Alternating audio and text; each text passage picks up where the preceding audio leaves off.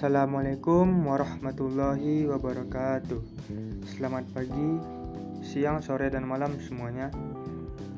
Baiklah, saya akan memperkenalkan diri saya. Saya Adik Ramadhani, mahasiswa dari Universitas Islam Negeri Sultan Syarif Kasim Riau, Fakultas Pertanian dan Peternakan, Prodi Ilmu Peternakan.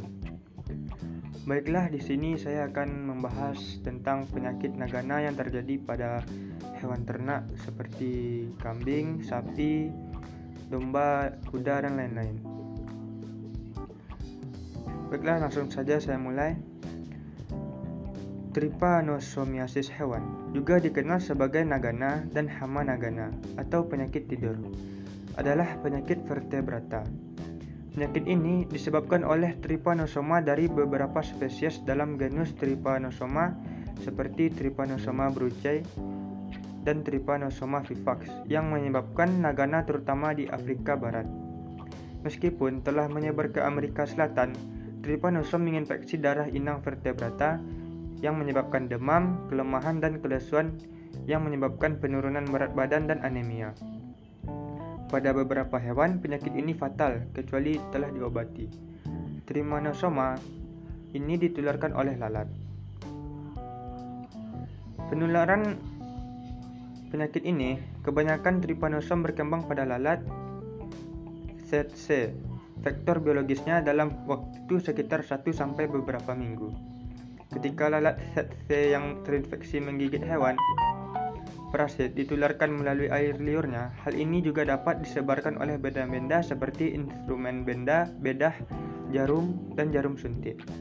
Faktor terpenting diperkirakan adalah lalat kuda dan lalat stabil.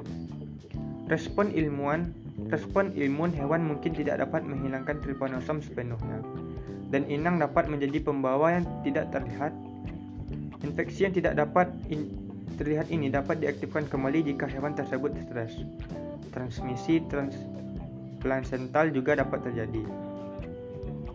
Tanda-tanda dan gejala penyakit ini, masa inkubasi berkisar dari 4 hari sampai sekitar 8 minggu.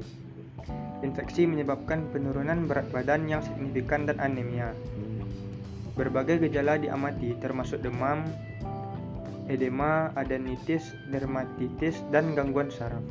Penyakit ini tidak di, dapat diagnosis dengan pasti kecuali secara fisik mendeteksi parasit dengan pemeriksaan mikroskopis darah atau berbagai reaksi serologis.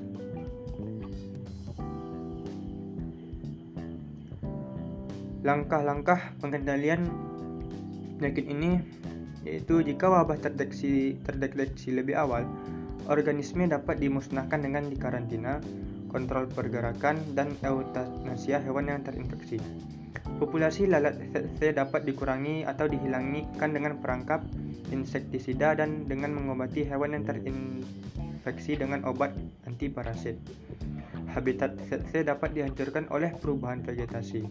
Beberapa obat dapat mencegah trypanosomiasis nagana ini dan disebut obat profilaksis. Ini sangat efektif dalam melindungi hewan selama mereka terkena penyakit. Secara historis, obat-obatan ini tidak digunakan tidak digunakan dengan benar, menyebabkan beberapa resistensi.